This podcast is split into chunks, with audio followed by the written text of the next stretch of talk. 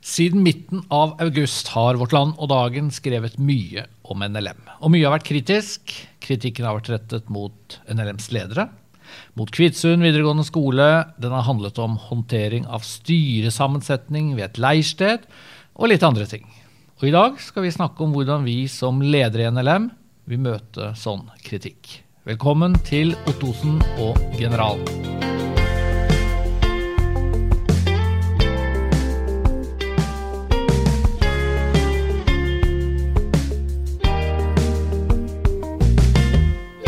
Jeg heter Espen Ottosen, er informasjonsleder i Norsk Luthersk Misjonssamband. Ja, og her sitter som vanlig Øyvind Aasland, generalsekretær i Misjonssambandet. Og nå er det lenge siden sist. Ja, det er det? Men det passer jo å ta en podkast og vise at vi ikke gjemmer oss.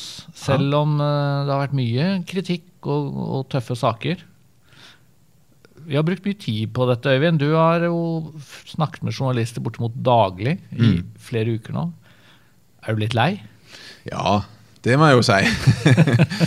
Blir litt lei, men, men, det er en viktig del av jobben og det å være leder i NLM. Og stille opp og svare så godt en kan på spørsmål. Og ikke gjemme seg vekk, som du sier. Så det må vi ta. Og så har jo vi snakka om det når vi starta denne podkasten, at eh, det er litt fristende å ha vår egen arena når eh, mediene stiller sine spørsmål og vinkler sine saker, hvor vi kan komme et kanskje et litt alternativt eh, blikk da, mm. og få sagt litt mer om saker. Så vi får prøve å bruke den anledningen godt, og ikke misbruke den. Så ja, vi prøver iallfall å kommentere en del av det som har skjedd. og som det ser ut fra vår side. Ja. Det kommer vi jo da tilbake til, det blir hovedsaken. Men vi må ta den spalten vi alltid har. Eh, lover at det blir lite fotball. Men vi pleier å ha en sånn liten sist. runde om hva har skjedd siden sist. Og ja. jeg har litt sånn, Du er jo en litt mer forfengelig mann enn meg, så jeg får veldig lyst til å kommentere at den skjorta der, det var jo på en måte ikke TV skjorta. For Nei, det var ikke det. Eh, nå er det noen som bare hører lyden her, men, men smalstripete skjorte. Du var litt redd for at tekniker skulle gi beskjed om at det der passer jo ikke. Ja. Jeg håper at folk som ser på, ikke blir helt svimle og surrete. Ja. Nei, for vi, vi, pleier jo å pynte oss litt når vi har podkast. Ja. du hadde glemt det du, akkurat når du kledde på deg til morgenen. Akkurat når jeg kledde på meg, så tenkte jeg ikke på det, nei. Men du, eh, jeg vet at du akkurat har vært på jubileum. Ja. 40-årsjubileum for Fjellheim bibelskole. Mm. Du er jo en mann som drar på mye jubileer. Ja, absolutt. Og dette var bra? Noen av jubileene i høst har jo blitt utsatt, sånn som 100-årsjubileum på Rødde. og sånn, Men det er jo veldig hyggelig da, å få være med og jubilere. Og Fjellheim var fantastisk flott. Og det, det er jo en tid for å reflektere og tenke litt historie. Og, og det, det, er sterkt å høre om Fjellheim. Trang fødsel. For det er ganske tøft å starte en bibelskole da for 40 år siden i Tromsø? Ja, det er jo det.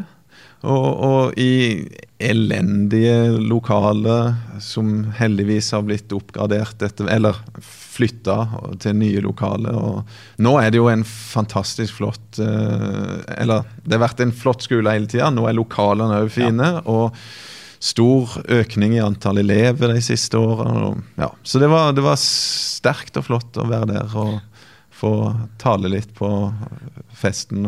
Var det gøy å fly igjen? Det, det, er jo mange som Halvt år siden sist. Ja, Det var det? Det var din første flytur? Det var første flytur siden 12. mars, når ja. jeg kom hjem til pandemien. Så det var, det var, jo litt styr med munnbind og forskjellig sånn. Og akkurat det å fly er jo ikke det jeg savna mest den siste tida. Men, men, det var helt greit. En av grunnene til at denne sesongen starter litt sent, er jo at jeg har hatt litt studiepermisjon. Mm. Den ble også litt forkorta. Men jeg var i England og fløy. Også med, med munnbind. Ja. Og, og, i England så måtte man altså gå med munnbind i alle butikker og overalt. Så ja, jeg vil si at jeg er veldig rutinert munnbindbruker. Så du gjør det korrekt? og Bruker du sånn ferdig sydd eller engangs?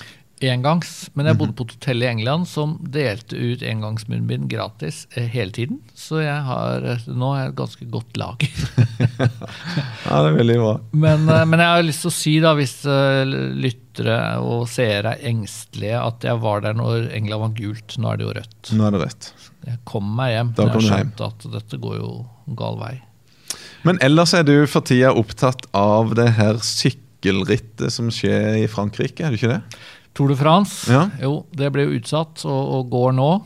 Men jeg har en mistanke om at siden vi har lovt at vi ikke skal snakke om fotball, så kan vi ikke helt snakke om sykkel. Det er et eller annet med at uh, vi må til de alvorlige Ja. temaene. Vi får uh, spare litt fotball og sykkel til seinere episode.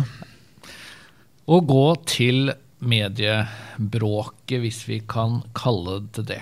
Og hovedtemaet altså hva tenker vi om kritikken som kommer? Du, Vi kan jo ikke forutsette at eh, alle som hører eller ser på dette, leser Dagen og Vårt Land kjempenøye. Nei. Og vi er jo for så vidt også fornøyd med at vi ikke har havna på Dagsrevyen, eller eh, at noen andre Ja. store medier har skrevet så mye om dette. Men, men eh, hva er det som egentlig har skjedd? Nei, Det begynte jo med en kronikk eh, som er skrevet av en som har vært ansatt i NLM ganske lenge, Endre Stene. Som ble trykt i Dagen med relativt tydelig kritikk av NLM. Og ledelseskultur ble vel brukt, eller Ja. har det bare blitt brukt seinere? Iallfall at eh, med, med ganske tydelig kritikk om maktmisbruk eh, i NLM, og mindre åpenhet eh, og, og en del sånne ting. Som eh, Og varslinger eh, skrev han om at, det var, at han hadde vært med på å sende en stor sak til kontrollkomiteen i NLM med Stemmer. varslinger. Det var sånn det begynte. Vårt Land trykte jo etter hvert den kronikken. Så har det kommet andre saker, folk som har stått fram med sine historier, eh, som eh, eh, handler om noe av det samme, kanskje. Iallfall sånn som de ser det. Og, og de har fått komme fram med sine sin historie i avisene, og det har kommet noen leserinnlegg. Ja. Det er kort oppsummert det som har vært. ja. Og Endre Stene er blitt uh, intervjua både av Vårt Land og Dagen. Og så må vi kanskje nevne Kvitsund spesielt. Ja. Vår eh, videregående, eller En av våre videregående skoler som uh, fikk en stor reportasje om uh, mistrivsel blant elever og litt forskjellig sånt. ja. Så kan man jo diskutere da i hvor stor grad disse sakene henger sammen, men, men det er vel faktisk sånn i hvert fall at du har fått telefon fra medier om alt sammen eh, på ulike tidspunkt. Det stemmer det, og det er, jo, det er jo mulig å si at det henger sammen, fordi at alt handler på en måte om hvordan bli NLM leder, og hvordan kan vi nå fram til ledelsen med kritikk og bli hørt og lytta til. Så, så det, er jo, det er jo noen fellesnevnere der, det er helt klart. Og samtidig så er jo sakene veldig forskjellige, på, skjedd på ulike steder i organisasjonen og handler om vidt forskjellige ting. Så ja. Og så, øh, Hvor øh, irritert er du på Vårt Land og Dagen? Tenker du at vi skal bruke denne podkasten til å gi beskjed om at uh, kristne aviser de kan slutte å oppføre seg sånn? Nei, nei, en kan jo bli litt oppgitt på ah, hvor mye spalteplass skal det her få og sånn. Det kan vi kanskje komme litt tilbake til. Men, men jeg tenker jo at vi skal være glad for at vi har en kristen dagspresse som er kritisk, og som tør å stille spørsmål til, til folk som sitter med makt, som er ledere i kristne organisasjoner. Med, med, med, det, det mener jeg virkelig. altså. Vi skal være glad for at vi har en uh, kristen dagspresse som utfører en kristisk funksjon der. Og vi må tåle å bli utsatt for kritikk, som alle andre. Ja, det er jeg helt enig i. Og jeg, jeg tror at det er øh, litt for mange øh, Jeg har møtt noen i disse sakene òg som, som tenker at øh, det skal være oppbyggelig å lese Vårt Land og Dagen. Og for så vidt Utsyn, som jeg er redaktør for. Og, og det håper jeg jo at uh, Utsyn oppleves eh, som. Og jeg tenker at eh, Vårt Land og Dagen forhåpentligvis er, også er opptatt av å skrive hyggelige saker og positive saker. Men, men det er en del av det å drive med journalistisk virksomhet. Det er også å være den fjerde statsmakt og, og sjekke etter de som, de som har makt. Det er jo det, å sjekke de som har makt. Og så, så har jo vi tenkt at kanskje de burde stille litt flere kritiske spørsmål til de som kommer med anklagene òg, da. Sånn at det blir litt balanse i det. det. Først og fremst så skal jo kritiske spørsmål stilles til ledere. Mm. Men det er jo ikke sånn at folk som anklager ledere, helt kan slippe unna kritiske spørsmål heller. Og det, det tenker jeg kanskje i litt for stor grad har skjedd med dagen og Vårt Lands dekning. Og Derfor har vi tatt kontakt med begge avisene. og Det kommer vi jo tilbake til. Vi har prøvd å få snakke litt med redaktørene for å høre deres syn på saken. Så selv om vi ikke har noen gjest her nå, så, så skal dere få høre Vebjørn Selbekk eh, litt etterpå. Ja, jeg har faktisk ikke hørt akkurat hva han sier, så det skal bli interessant. Det er bare, det er bare å glede seg. ja. Også, men personalsaker det har jeg også lyst, lyst til å, å kommentere. For der er det også noen som tenker at vi er bundet på hender og føtter. og Derfor kan ikke vi som ledere kommentere. Mm. Og det er jo litt sant. Ja, det er egentlig veldig sant. veldig sant, ja. Og det er, jo, det er, jo, på en måte sånn For å sette det litt på spissen, da, når, når, noen velger å komme med anklager av den typen som det har vært nå altså På et generelt, prinsipielt nivå det er jo helt greit. Eller mm. teologisk. Da kan vi diskutere og snakke, og det skal vi òg komme litt tilbake til. Ja. Men, men, når det gjelder personalsaker, så, så, har en på en måte tapt som leder eller som ledelse ja. når de her sakene blir presentert i media.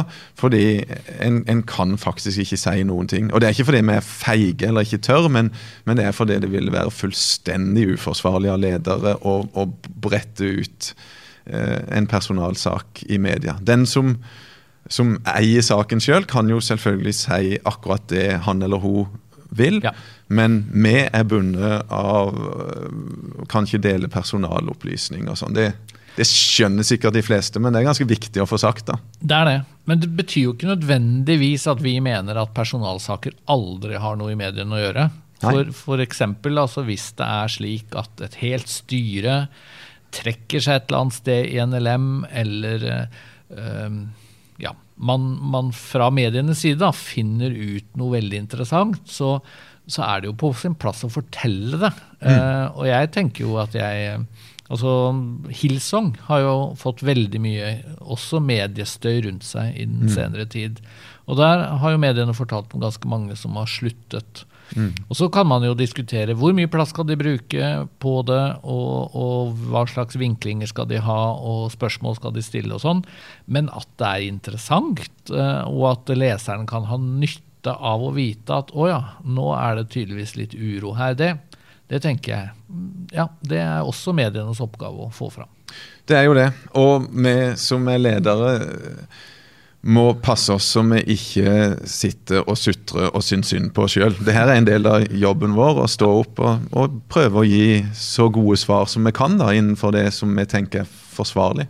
Og så sitter jo vi eh, selvfølgelig litt inhabilt eh, plassert, sånn at det er jo ikke vår oppgave å analysere nødvendigvis alt mediene gjør. Det er klart vi, vi går jo inn i dette fra vår vinkel. Vi gjør det, absolutt. Men er det noe å lære av denne kritikken? Altså Det er noen som, uh, som har ment, tror jeg, at uh, eh, NLM har gått for mye forsvar. Altså at mm. du f.eks. når du er blitt spurt, så har du gitt beskjed om at noe av det som er blitt påstått om NLM, rett og slett ikke stemmer. Mm. Uh, men, men, betyr det at vi, vi, rett og slett har det som hovedbudskap, at her er det påstander som ikke stemmer? Det er det vi vil ha fram. Punktum. Ja, Nei, det gjør ikke det. Jeg, jeg, mener jo absolutt det som jeg har sagt i intervju, at jeg, jeg, jeg, tror det er veldig mye som fungerer ganske bra i NLM. Og, og um, Så du mener at det ser litt sånn svartmalende ut, da? Noe ja, av det som kommer fram? Eller at en kanskje ikke skjønner helt F.eks. er NLM en organisasjon som har gått mer i lukka retning i det siste. da. Og, og, og, det ble jo i den kronikken som jeg nevnte, så ble det jo dratt en, en Ikke sammenlignet, men sagt at det kan gå mot Knutby, ikke sant? Den her menigheten i Sverige som det har vært en dokumentar om på NRK, der det var ganske ville tilstander og, og, og, og, sekteriske Ikke bare sekteriske trekk, men det endte opp som en sekt med mm. fryktelige konsekvenser. Så er det viktig for meg å si at NLM er en demokratisk organisasjon som har en struktur, eh, sånn at det er mindre sannsynlig at sånne ting skal skje hos oss enn et sted uten den strukturen. Med Mm. demokratiske valg, og, og du har verneombud som, som er valgt for å ta vare på de ansattes uh, interesse. Det er en medarbeiderforening og ting som er på stell sånn. Og Det syns jeg jo faktisk er ganske viktig å få fram. Og der tror vel vi at ting er blitt forbedret. Altså når eh, jeg begynte i NLM og ble ansatt eh, første gang, så tror jeg aldri hørte om verneombud. Nei. Jeg tror ikke vi var særlig gode på, på den type strukturer. Nei, Det har skjedd både fordi at vi ønsker det sjøl, og fordi at det er eh, lovpålagt og, og, og mye strengere i det norske samfunnet generelt. Så har det skjedd veldig veldig mye i NLM de siste 10-20 åra. Og, og, og eh, jeg syns vi skal være stolt av det og fornøyd av det. Men spørsmålet var er det ba, vil vi bare forsvare oss. Ja. og, og, og, og til det er det jo å si at jeg, jeg tror absolutt at vi kan lære mye. Og en del av de tinga som blir trukket opp mer sånn prinsipielt eh, og, og generelt i den kronikken som vi har nevnt, Blir vi for eh, opptatt av konsensus? Ja. Eh, Er det for vanskelig å, å nå fram med kritikk? Ja, sånne ting. absolutt interessant å lytte til, og helt, helt avgjørende nødvendig for en leder å lytte til sånne innspill for å, å finne ut hvordan vi kan forbedre både struktur, kanskje, og, og eh, den måten eh, lederne utfører ansvaret sitt på. Ja, for det er jo en forskjell på dette med struktur. Altså Alt kan jo være på plass, og fortsatt kan man ha en generalsekretær som ikke er så veldig flink til å lytte til misfornøyde folk. Ja. Det, det, det er klart det. At, eh, Helt hypotetisk. helt hypotetisk. ja. Ja. Uh, Så det, det er viktig budskap fra oss, det doble. Altså, vi mener at det er en god del ting i denne kritikken som er urimelig, og, og, og som, som vi tror det er mulig, og som vi bør avvise, eller iallfall nyansere eller justere. Og, og så er det absolutt ting eh, som vi kan lære av og snakke enda mer om enn det har vært gjort fra før. Jeg ble jo utfordra på vil NLM ta det store kulturoppgjøret i organisasjonen. Ja. Og jeg svarte ganske avgjort nei på det. Og, og det handler om at jeg mener at det har skjedd veldig mange gode ting med måten samtalen skjer på i organisasjonen.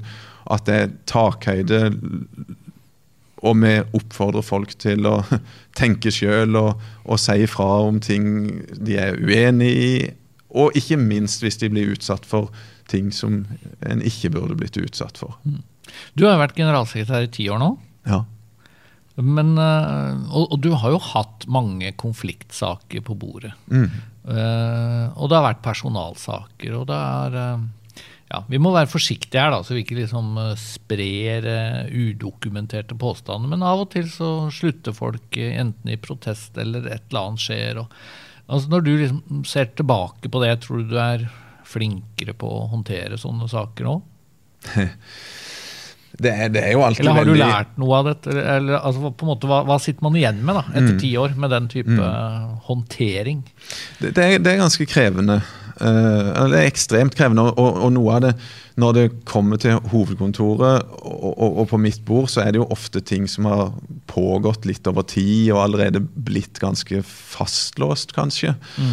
Og litt sånn et, et lite eksempel, da, skal jeg Ja, ja, få lov på. til å Som ikke er et konkret eksempel, men som handler bare om eh, når du skal gi en respons på en sak, en helt konkret sak, og, og komme med her er konklusjonen til NLM, eller kanskje til generalsekretær, da, litt avhengig av hva slags ja, sak det Hvis noen er. da f.eks. har skrevet et brev og sagt at dette her eh, finner vi oss ikke i, eller dette tenker Ja. vi er en elendig avgjørelse, eller sånn kan dere ikke oppføre dere, eller noe sånt. Noe i den duren. Ja. Og så er jo jeg opptatt av å være høflig og skikkelig når jeg svarer på sånne ting. Og, og, og når jeg vet at her er det en konklusjon som mottakeren av det her brevet kommer til å bli veldig lei seg for, eller opprørt for, eller frustrert for, så, så prøver jeg å være veldig høflig. Og i, i begynnelsen, da, så, så avslutter jeg ofte med et eller annet som vi ofte gjør når vi skriver til hverandre i misjonen. Et eller annet sånn åndelig. sånn Gud velsigne deg, eller et eller annet sånn. Mm. Og, og, da opplever jeg å få noen veldig sånn sinte reaksjoner. Spar deg de der eh, tingene der. Du trenger ikke å prøve å, å, å liksom Glatte glatt, til. Ja, ikke ja. sant? Mm. Så, så, det førte jo til at jeg i det siste har bare vært høflig og korrekt og ganske kort når jeg svarer på sånne mailer. Og da får jeg høre at jeg er veldig kald og kynisk og, og ikke viser medmenneskelighet. Så jeg, jeg, jeg, sier ikke på en måte det her for å forsvare meg sjøl, men bare for å illustrere at det er noen vanskelige avveininger her. og, og, og vanskelig på en måte å gjøre det på en sånn måte at du er sikker på at det her er den beste måten å gjøre det på. Mm. Jeg håper jeg har lært litt uh, underveis, og tror jo det. Men har jo selvfølgelig ingen problemer med å innrømme at uh, jeg har gjort feil. Sagt ting jeg ikke burde, uh, og, og, og, håndtert ting på en måte som, som burde og kunne vært bedre. Absolutt.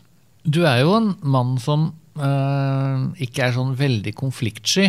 Jeg tror at i, i møte med enkeltpersoner så kan jeg være litt mer konfliktsky.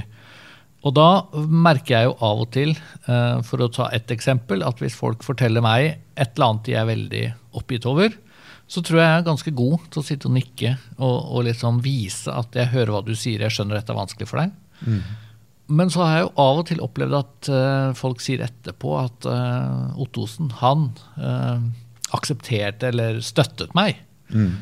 Mens jeg prøvde egentlig bare å nikke for å på en måte bekrefte at jeg hører det du sier. Mens av og til så kan jeg jo ikke gå inn i sånne saker og har ikke noen offisiell rolle. Eller, eller det kan jo til og med være at jeg tenker at dette her er jeg bare ikke enig i, men, men jeg orker ikke å protestere. Mm. Men der tror jeg jo du kanskje ville protestert. Og, og så kan jo begge deler slå feil ut. Altså ja. Jeg blir sett på da i en sånn situasjon som den som bare sitter der og nikker som et annet uh, mehe, uh, uten å liksom tørre å si dette, 'nei, jeg følger deg ikke her'. Mens andre kan kanskje oppleve at du tar på en generalsekretærhatt og sier 'nei, hør nå her'. Mm. Og det er jo min rolle. Det, det, blir jeg nødt til å gjøre. Mm. Både når det gjelder å følge fastlagt strategi. Og når det gjelder å følge opp eh, konklusjoner i personalsaker og andre saker, så, så, har jeg vært opptatt av å vise fasthet. da. Mm. Og, og, og, så tror jeg jo at det går an å gjøre på en skikkelig, ryddig, høflig og god måte. Men det er klart, kommunikasjonen i, en sånn situasjon, den er aldri helt enkel. Og, og som du sier, noe kan handle litt om personlighet. Mm. Og det kan handle om at en faktisk gjør feil og, og, og, og, sier ting som en ikke burde gjort, eller på en feil måte og sånn. Så, så, så, den type ydmykhet bør vi jo ha, og den ønsker jeg å ha og mm. vise mm. i de sakene her. Og, og, vil absolutt Eh, si at uh, vi fortsatt har noe å lære. At jeg personlig har noe å lære, og at vi som organisasjon og som, som sånn kollektiv ledelse må lære. Og, og, og av det, Mye av det her er jo sånn som vi har oppe i temaet når vi har lederforum annenhver måned. Der, ja. der lederteam fra regionene møter ledere på hovedkontoret. Og vi snakker om viktige temaer innen ledelse og hvordan vi kan bli best mulig på å utføre jobben vår. Så det er jo, det er absolutt tema som, som, vi diskuterer, og som vi prøver å lære. Ja, og, og en av de tingene jeg selv husker at, at, det har vært oppe, og som jeg har hatt nytte av, da, det, det, er jo at det kom for noen år siden en slags samtaleguide for vanskelige samtaler. Mm. Ja, jeg burde ha forberedt meg så jeg huska nøyaktig hvordan den, eh, det ble formulert, men poenget var at uh, erfaringen har vist, i NLM, men som også alle andre steder, at, at, hvis man har en konflikt under oppseiling, så er det viktig å ta en prat tidlig. Før, si, før, man kommer selvfølgelig så langt at det er advokater inne i bildet. Nå sjekker det så veldig ofte i vår sammenheng, men det kan jo skje. Men, men kanskje også før du får de der formelle samtalene med referat og bisitter, og, og så kan du liksom få rydda opp i ting ja. tidlig. Og for meg var det en hjelp. Altså Det å liksom få den der påminnelsen om at det er noe jeg husker det ble om det, det er noe som heter gule samtaler. Mm. Da er ikke alt sånn bare fint og flott, men det er ikke rødt heller. Det er ikke sånn krise og alt skal følge arbeidsmiljøloven og sånn, men det handler om liksom å ta tak i ting før det blir formelt og låst. Ja. Og vi håper jo at de fleste samtalene skal være grønne. Absolutt. Ja. og, og det, det, opplegget fikk vi jo lov til å, å, å, bruke, og det var fra et av helseforetakene i, i Norge, der de hadde utvikla det. og, og som vi har hatt mm. mye nytte av. Men en ting som jeg har tenkt litt på, som vi må svinge innom nå, det er at eh, når mediene skriver sine saker, så ser det jo veldig ofte ut som at det er vi som er Goliat, for å si det sånn. Mm. Vi sitter på toppen, og da særlig du, som sjefen, og det er liksom den mektige organisasjonen NLM som kanskje setter ned foten og sier 'sånn vil vi ha det', og så er det en sårbar enkeltperson som, som opplever at uh, den store organisasjonen NLM uh, eh, blir veldig sånn tøff. Mm. Men det som jeg syns ikke så ofte kommer godt fram, er jo at, at, det er jo ofte slik at vi egentlig er mellommann. Altså at det er en konflikt hvor det kanskje er to parter. Ja. Og den ene parten vil kanskje ikke være i mediene. Eller uh, ønsker ikke å på en måte snakke med journalister eller tale sin sak. Og så er det sånn at vi da på et vis representerer den parten i en eller annen konflikt eller i en eller annen situasjon. Det gjør det litt kinkig, fordi utad så ser det ut som, som, det er på en måte Ja, David mot Goliat, da. Nå pleier jo mm. David å vinne de sakene, så det er mulig bildet er litt sånn kinkig å bruke. Men du skjønner poenget? Skjønner poenget, ja. Nei, men, men med, jeg snakka jo om på et rådsmøte, det er sikkert ikke så mange som husker det. Men om Det er ikke så veldig mange som var der heller, for de er jo Ja ja, det er 100, nei, da. Det er 100. Men, ja. men om, om, det at vi som er samla her på det rådsmøtet, må huske på at vi har makt. Mm. Uh, og, og det, er, det, er ikke, det, er, jo mange ledere som ikke ønsker å snakke noe om det. Ja, nei, makt, det høres så brutalt ut, og heller snakke om innflytelse eller noe sånt. Mm. Men, men, jeg tenker jo det er interessant å snakke om at jo, vi, vi har ja. makt. Og hvis ikke vi er klar over det, hvordan skal vi da klare å utøve ansvaret vi har på en skikkelig måte? Og du har jo mye makt. Du må ganske ofte skjære igjennom og mm. konkludere, da. F.eks. i vanskelige saker. Ja. Så, så det, det, er vi jo klar over. Mm. Ønsker å erkjenne og ønsker å bruke den makta på en så god måte som mulig. Og så er det jo det du sier, at, at, at i, i, konfliktsituasjoner så, så, eh, Og i saker som ja, For det er mer enn to parter. Det er ja, liksom mitt poeng. da. Det er, det er ikke bare er. vi som er på den ene siden, og så har du en annen svak part på den andre siden. Nei. Så må vi til slutt skjære igjennom og si at sånn blir konklusjonen. Uh, og da har vi opplevd nå i det siste at mange opplever at ikke det har blitt lytta til. da. Det har kanskje vært litt sånn hovedtrekket. Ja. Og det syns jo jeg er veldig leit. Og jeg tenker mye på hvordan kan vi forsikre oss om det. da, At folk i alle fall vet og er sikre på at jo, vi har blitt lytta til. Det vil ikke si at konklusjonen ble sånn som vi ønska eller håpte eller ba ledelsen om. Men, men, likevel, de har brukt tilstrekkelig med tid. Mm. De har faktisk hørt det vi har sagt, og de har forstått det vi prøvde å formidle. Kanskje det er noe vi har lært av det her, at i sånne samtaler så er det veldig viktig å stoppe opp og bare forsikre seg skikkelig om at det du prøvde å si, og det jeg har hørt, det er sånn og sånn. Jeg stemmer det? ikke sant? Bare en, noen ekstra runder for å være mm. overtydelig på at vi faktisk har og, og da prøvd har vi, å forstå. Ja, vi har hørt det, vi har forstått det. Vi har til og med vurdert det. Ja. Men så en gang iblant så konkluderer vi likevel annerledes mm. enn en, en person da skulle ønske. Ja. Og jeg syns det også er kjempeinteressant akkurat den formuleringen når noen sier 'jeg ble ikke hørt'. Mm. For den kan jo bety to ting. Fikk det altså, ikke som jeg, jeg ville. Fikk det ikke som jeg ville, Og det kan bety uh, jeg, fikk, jeg, slapp på en måte ikke til. Det var ingen som var interessert i å høre min versjon. Og mm. det siste, altså det er jo ikke holdbart. Hvis folk opplever det sånn. Nei, det er jo ikke det. Og de sakene som har blitt, blitt meldt nå, så er det jo mange som sier at de, de har ikke blitt hørt. og av og til så får jeg mistanken om at ja, det betyr egentlig at konklusjonen ble annerledes enn du ønska. For jeg vet iallfall at vi har brukt veldig mye tid i samtale med flere av de her personene for å, å prøve å forstå deres side av saken og, og, og, og, sette oss inn i det så godt som mulig. Men det er, det, det er ganske sikkert mer jobb å gjøre der da, for å, å forsikre oss om at folk sitter igjen med den opplevelsen òg, at, at, at, de faktisk ble hørt. Selv om de eventuelt ikke fikk det som de ville. Men du var jo innom at du hadde makt. Eller mm. at vi har makt. Mm. Men skjer det av og til at folk tror du har mer makt enn du har? På ett vis. Altså, men det mener jeg å si at vi mm. har jo struktur. Uh, som vi må forholde oss til. Og jeg syns f.eks. Kvitsund-saken er litt interessant. Mm. Uh, vi går, trenger ikke å gå dypt inn i den, men, men poenget er jo at du ble kontakta med beskjed fra noen om at uh, det er ting på Kvitsund som ikke er bra. Mm. Men så sier jo f.eks. da friskoleloven eller privatskoleloven veldig tydelig at det er ikke NLMs generalsekretær som er øverste sjef for NLM skoler. Mm. Det er styret for hver enkelt skole. Og det tror jeg alle skal være glad for, for å si det sånn. ja. At ikke det er generalsekretæren som skal sitte og styre alle skolene i NLM. Men det betyr også at, eh, at du må være litt uh, forsiktig, da. Du kan ikke bare ringe rektor og si du, nå hører jeg sånn og sånn og sånn, se og fikse opp i dette. Sånn og sånn og sånn. Altså, du kan jo selvfølgelig ta en telefon og si jeg har hørt, hørt sånn og sånn, dette håper jeg dere tar på alvor. Men, men det er et eller annet med strukturen der som også er viktig.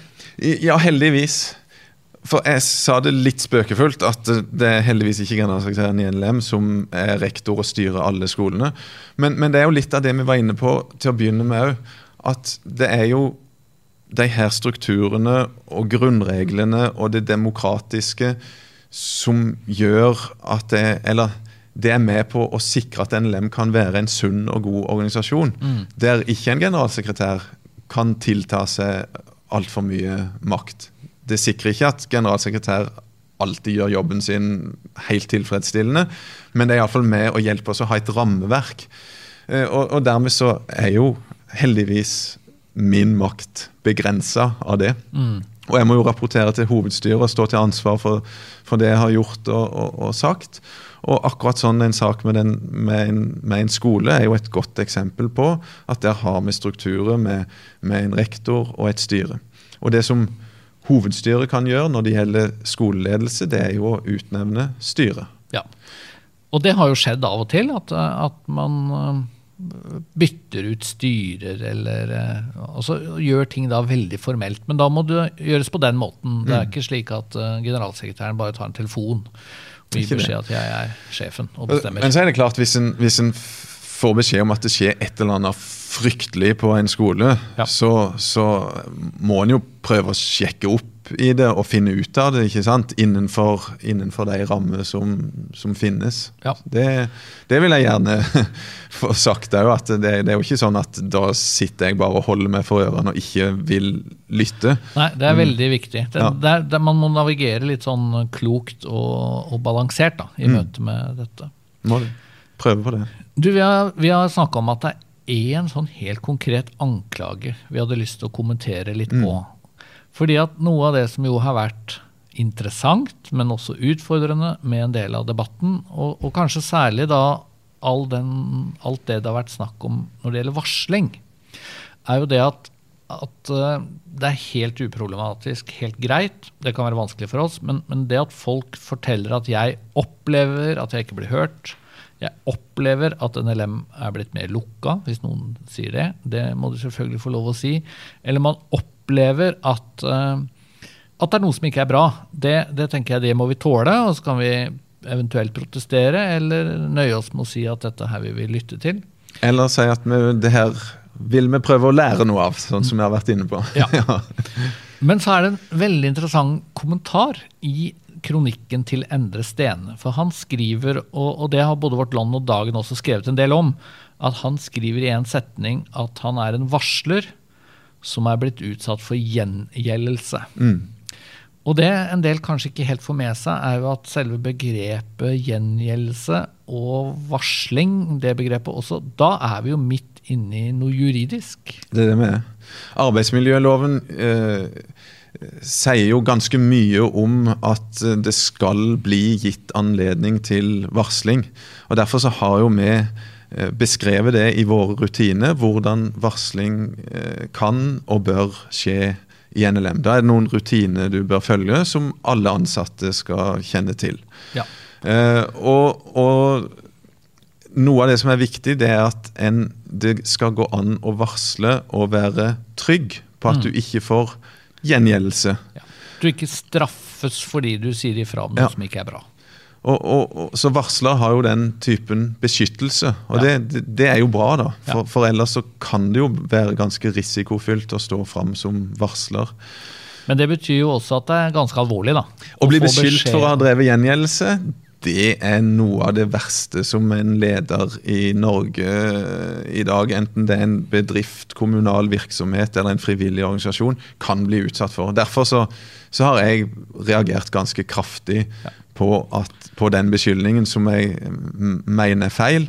Og, og, det er jo straffbart etter norsk lov å drive gjengjeldelse. Ja, for der er det jo en forskjell. Altså, det å tåle at du får beskjed om at du har brukt for lite tid på en sak, eller uh, hørt for lite på den det gjelder, eller tatt helt feil avgjørelse, det er, det er, noe ganske annet enn å få beskjed om at du har brutt norsk lov og gjort noe straffbart. Mm. Så Derfor eh, har vi tatt kontakt da, med både Dagen og Vårt Land for å, for å sjekke hva tenker de om, om det å, å, trykke en sånn, sånn, eh, kritikk. Og Vi har også tatt kontakt med Endre Stene, som skrev at han var en varsler som var blitt utsatt for gjengjeldelse. Han ønska ikke å, å, si noe til denne podkasten. Mm. Vårt Land eh, skriver følgende.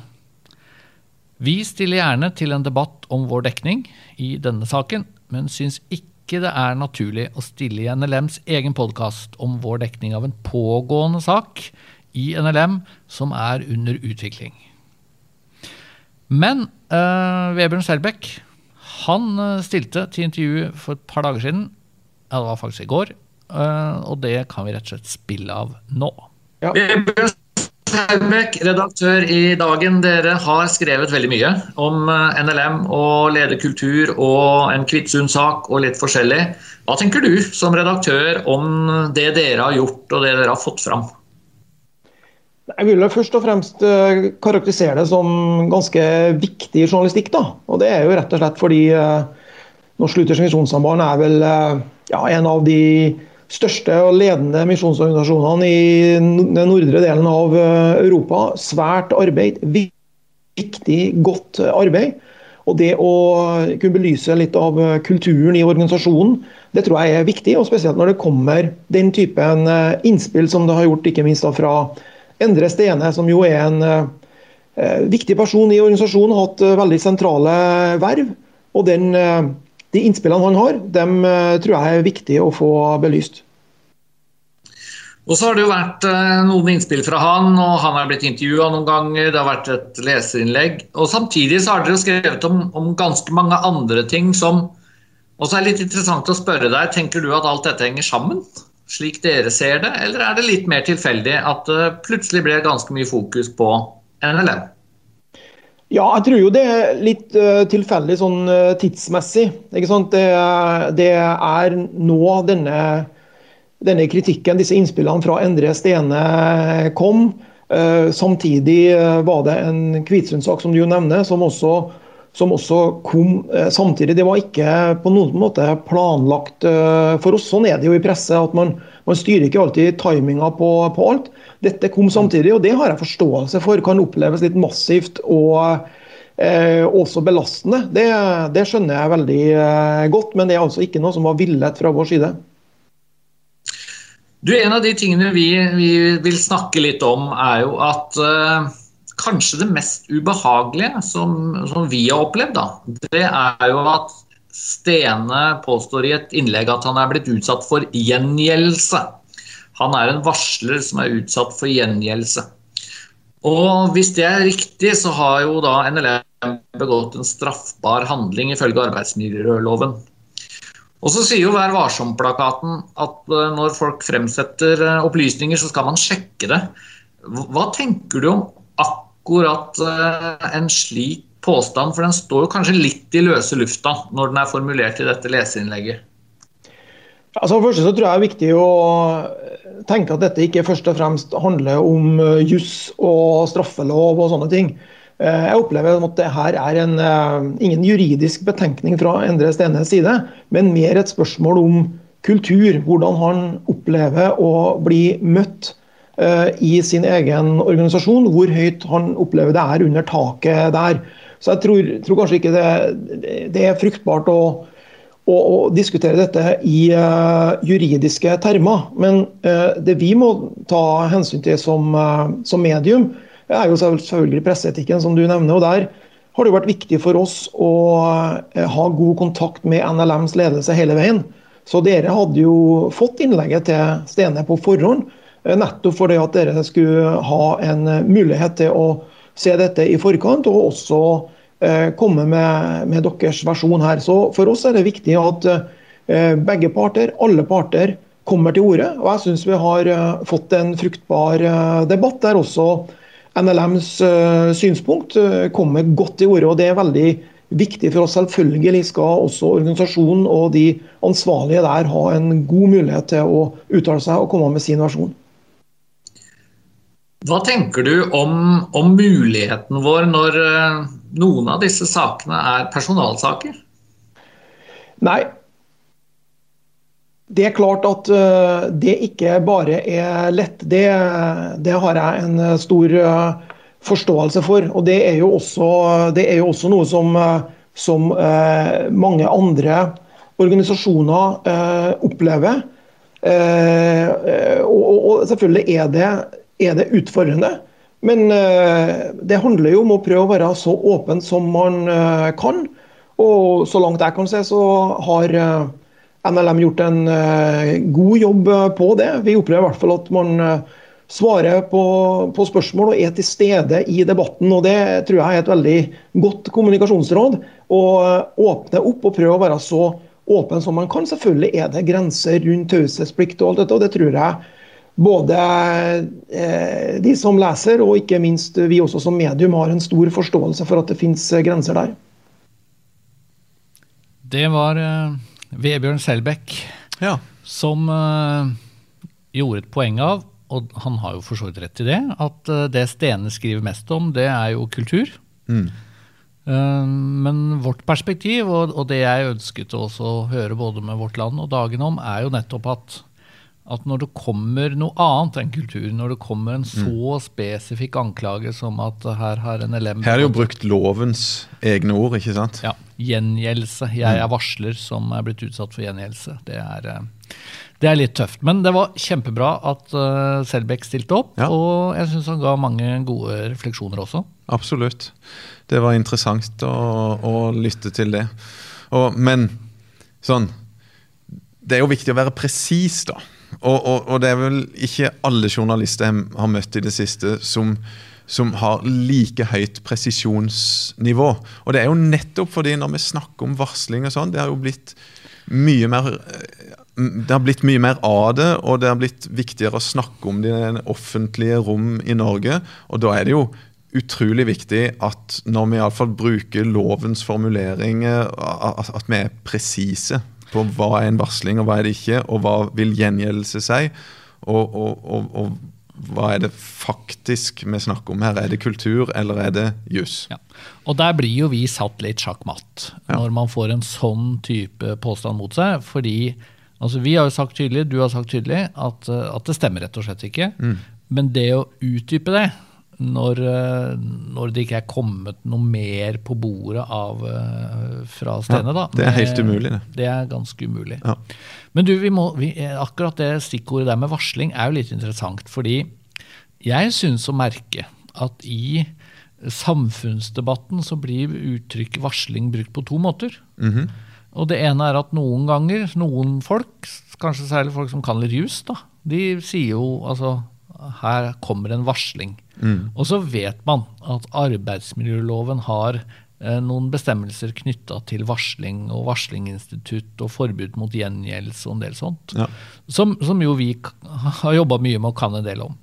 Men det er jo en del andre eh, som, som nærmest bruker varsling litt sånn synonymt med at nå har jeg levert en klage, eller nå har jeg gitt beskjed om at dette går virkelig ikke an. Mm. Ja. Og det skal man jo for så vidt lytte til, men det, er, det, er, det kan i hvert fall være et poeng at det er Altså, vi uh, må forholde oss til en varsling korrekt ut fra arbeidsmiljøloven. Mm.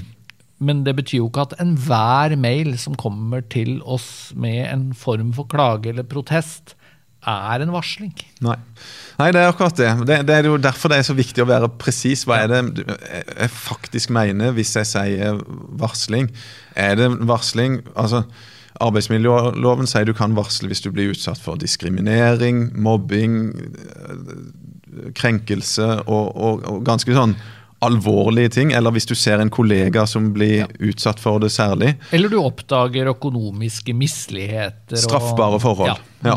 Da er det per loven en varsling, og det er rutine. Altså alle bedrifter og organisasjoner skal ha rutine for hvordan en sånn varsling formelt kan leveres. Og det har vi. Den ligger faktisk ikke på internett, fordi dette er jo ansatte som, Ja. som trenger, så den ligger i en personalhåndbok som ligger ute for alle på vårt såkalte intranett. Som er gjort kjent for alle ansatte. Ja. Men, men det er klart uh, Uavhengig av formell status, så vil jo vi gjerne prøve å lytte til innspill som kommer om, om ting som folk opplever i organisasjonen. Små og store ting som, som de kan stusse på eller være fryktelig misfornøyd med, eller ja, alt innimellom der. Det, det må vi jo den holdninga ønsker vi å ha. At vi ønsker å lytte til den slags. Og vi har også, det bør kanskje skytes inn, vi har jo egne retningslinjer f.eks. hvis noen, og de trenger jo på ingen måte være ansatt for å bruke de, eh, ser seksuelle overgrep eller overtramp av en eller annen art, eh, seksuelle krenkelser.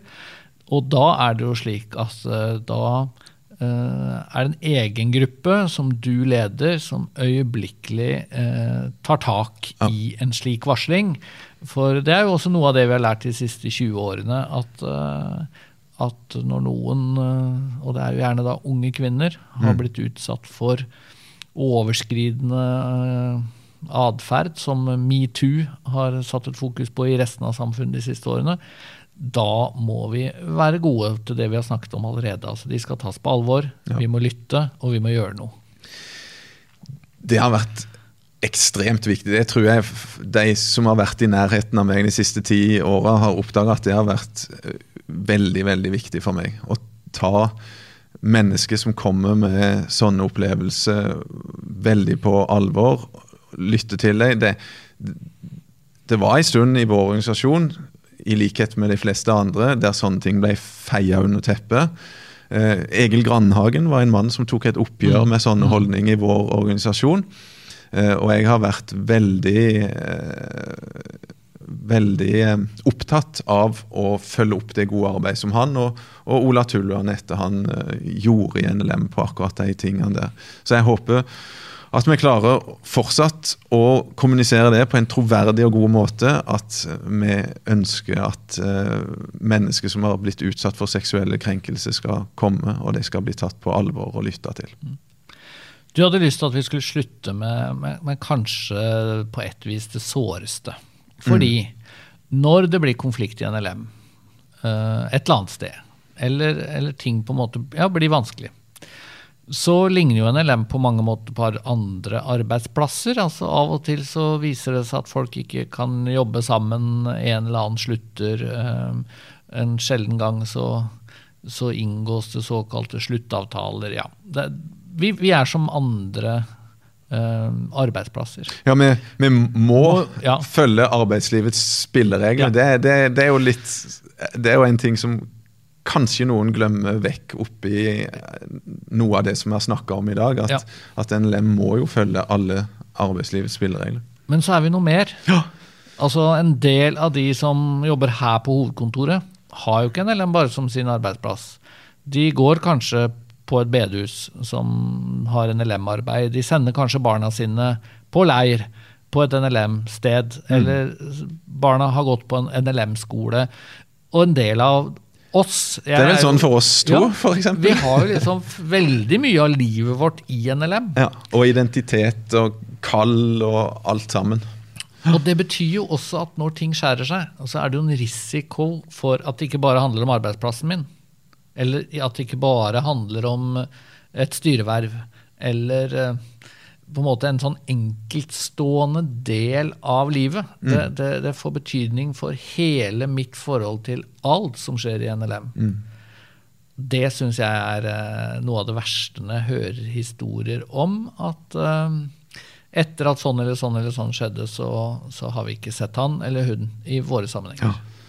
Det, jeg tror nesten en kan bruke et ord som tragisk av og til når en hører den type historie. For det, det, det, er virkelig vondt. Og, og, og, og i no, noen av de sakene som vi snakker om nå, noe av det har vært framme offentlig, andre ting ikke. Så, så er det virkelig mennesker som jeg har vondt av, som jeg vet har opplevd det fryktelig vondt. Og, og, og, mer enn bare å miste en arbeidsplass og, og det sosiale, men det er liksom mye som eh, ramler ifra hverandre, og, og ganske store sår som, eh, som oppstår hos mennesker. Så det Men kan vi, kan vi gjøre noe mer for å unngå, unngå at sånt skjer?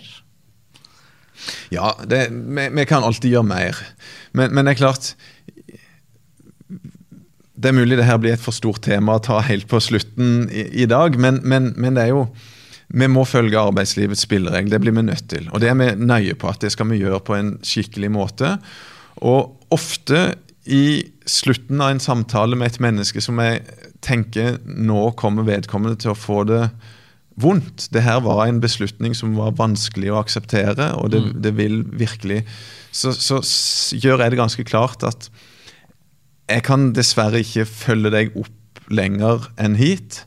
Eh, men hvis du trenger profesjonell hjelp, og, og, og, og vi vil gjerne tilby deg hjelp, og, og den gode personen som du kan snakke med, ikke, ikke bare at hvis du trenger, vi tror det er ganske sannsynlig at du vil trenge, for vi vet hvordan sånne ting ha, har fungert før. Så derfor så vil vi sterkt anbefale at du tar imot en profesjonell hjelp, noen som kan, du kan snakke med i etterkant av det her. Ikke for å fraskrive meg noe ansvar. Ansvar tar jeg for den beslutninga som er tatt, men jeg må òg ta ansvar for at jeg ikke kan fungere som sjelesørger eller profesjonell samtalehjelp i tida etterpå.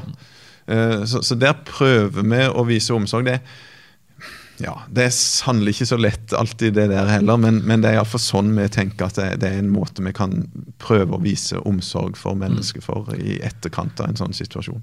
Og så er det jo en fordel da, med NLM, i hvert fall av og til at vi er såpass store. For jeg har møtt mennesker som opplever at det skjærte seg ett sted i NLM. Og det kan være mennesker de ikke ønsker å på en måte ha noe tett relasjon til, men de kan engasjere seg et annet sted i NLM og oppleve at eh, ting ikke på en måte skjærer seg fra A til Å. Og det, det er jo min bønn og mitt håp. Det tenker jeg er at, at hvis det skulle være noen som har opplevd at ting ble veldig vanskelig et sted i NLM, tenk hvis det var noen andre som, som hører til i vår organisasjon, som tenker at uh, jeg har lyst til å, å ha en god samtale med vedkommende og passe i hvert fall på at uh, man er invitert inn i en bibelgruppe, eller på et eller annet vis ikke mister all sin tilhørighet. Ja. Og så håper jeg jo virkelig at, uh, at uh, vi kan ta så godt vare på folk som mulig, både frivillige og ansatte i NLM. For vi trenger jo så mange som mulig. Vi, vi, vi, vi tror jo vi har et viktig oppdrag, og vi trenger folk som vil være med og arbeide for å oppnå det formålet. Så selv om jeg har sagt at jeg, jeg, jeg tror ikke det er noe kultur som vi trenger å ta et oppgjør med i NLM når det gjelder de tingene her vi snakker om. Så håper jeg jo det som har skjedd nå, og, og, og som vil skje den høsten her, kan få oss til å tenke oss enda bedre om og ta enda flere samtaler om de tingene her i framtida, sånn at vi kan lære å bli så gode som mulig. Ja. Det tror jeg blir eh, dagens konklusjon. takk for eh, praten, Øyvind. Vi er plutselig tilbake med er en eh, ny podkast. Takk for nå. Takk til dere som hørte og så på.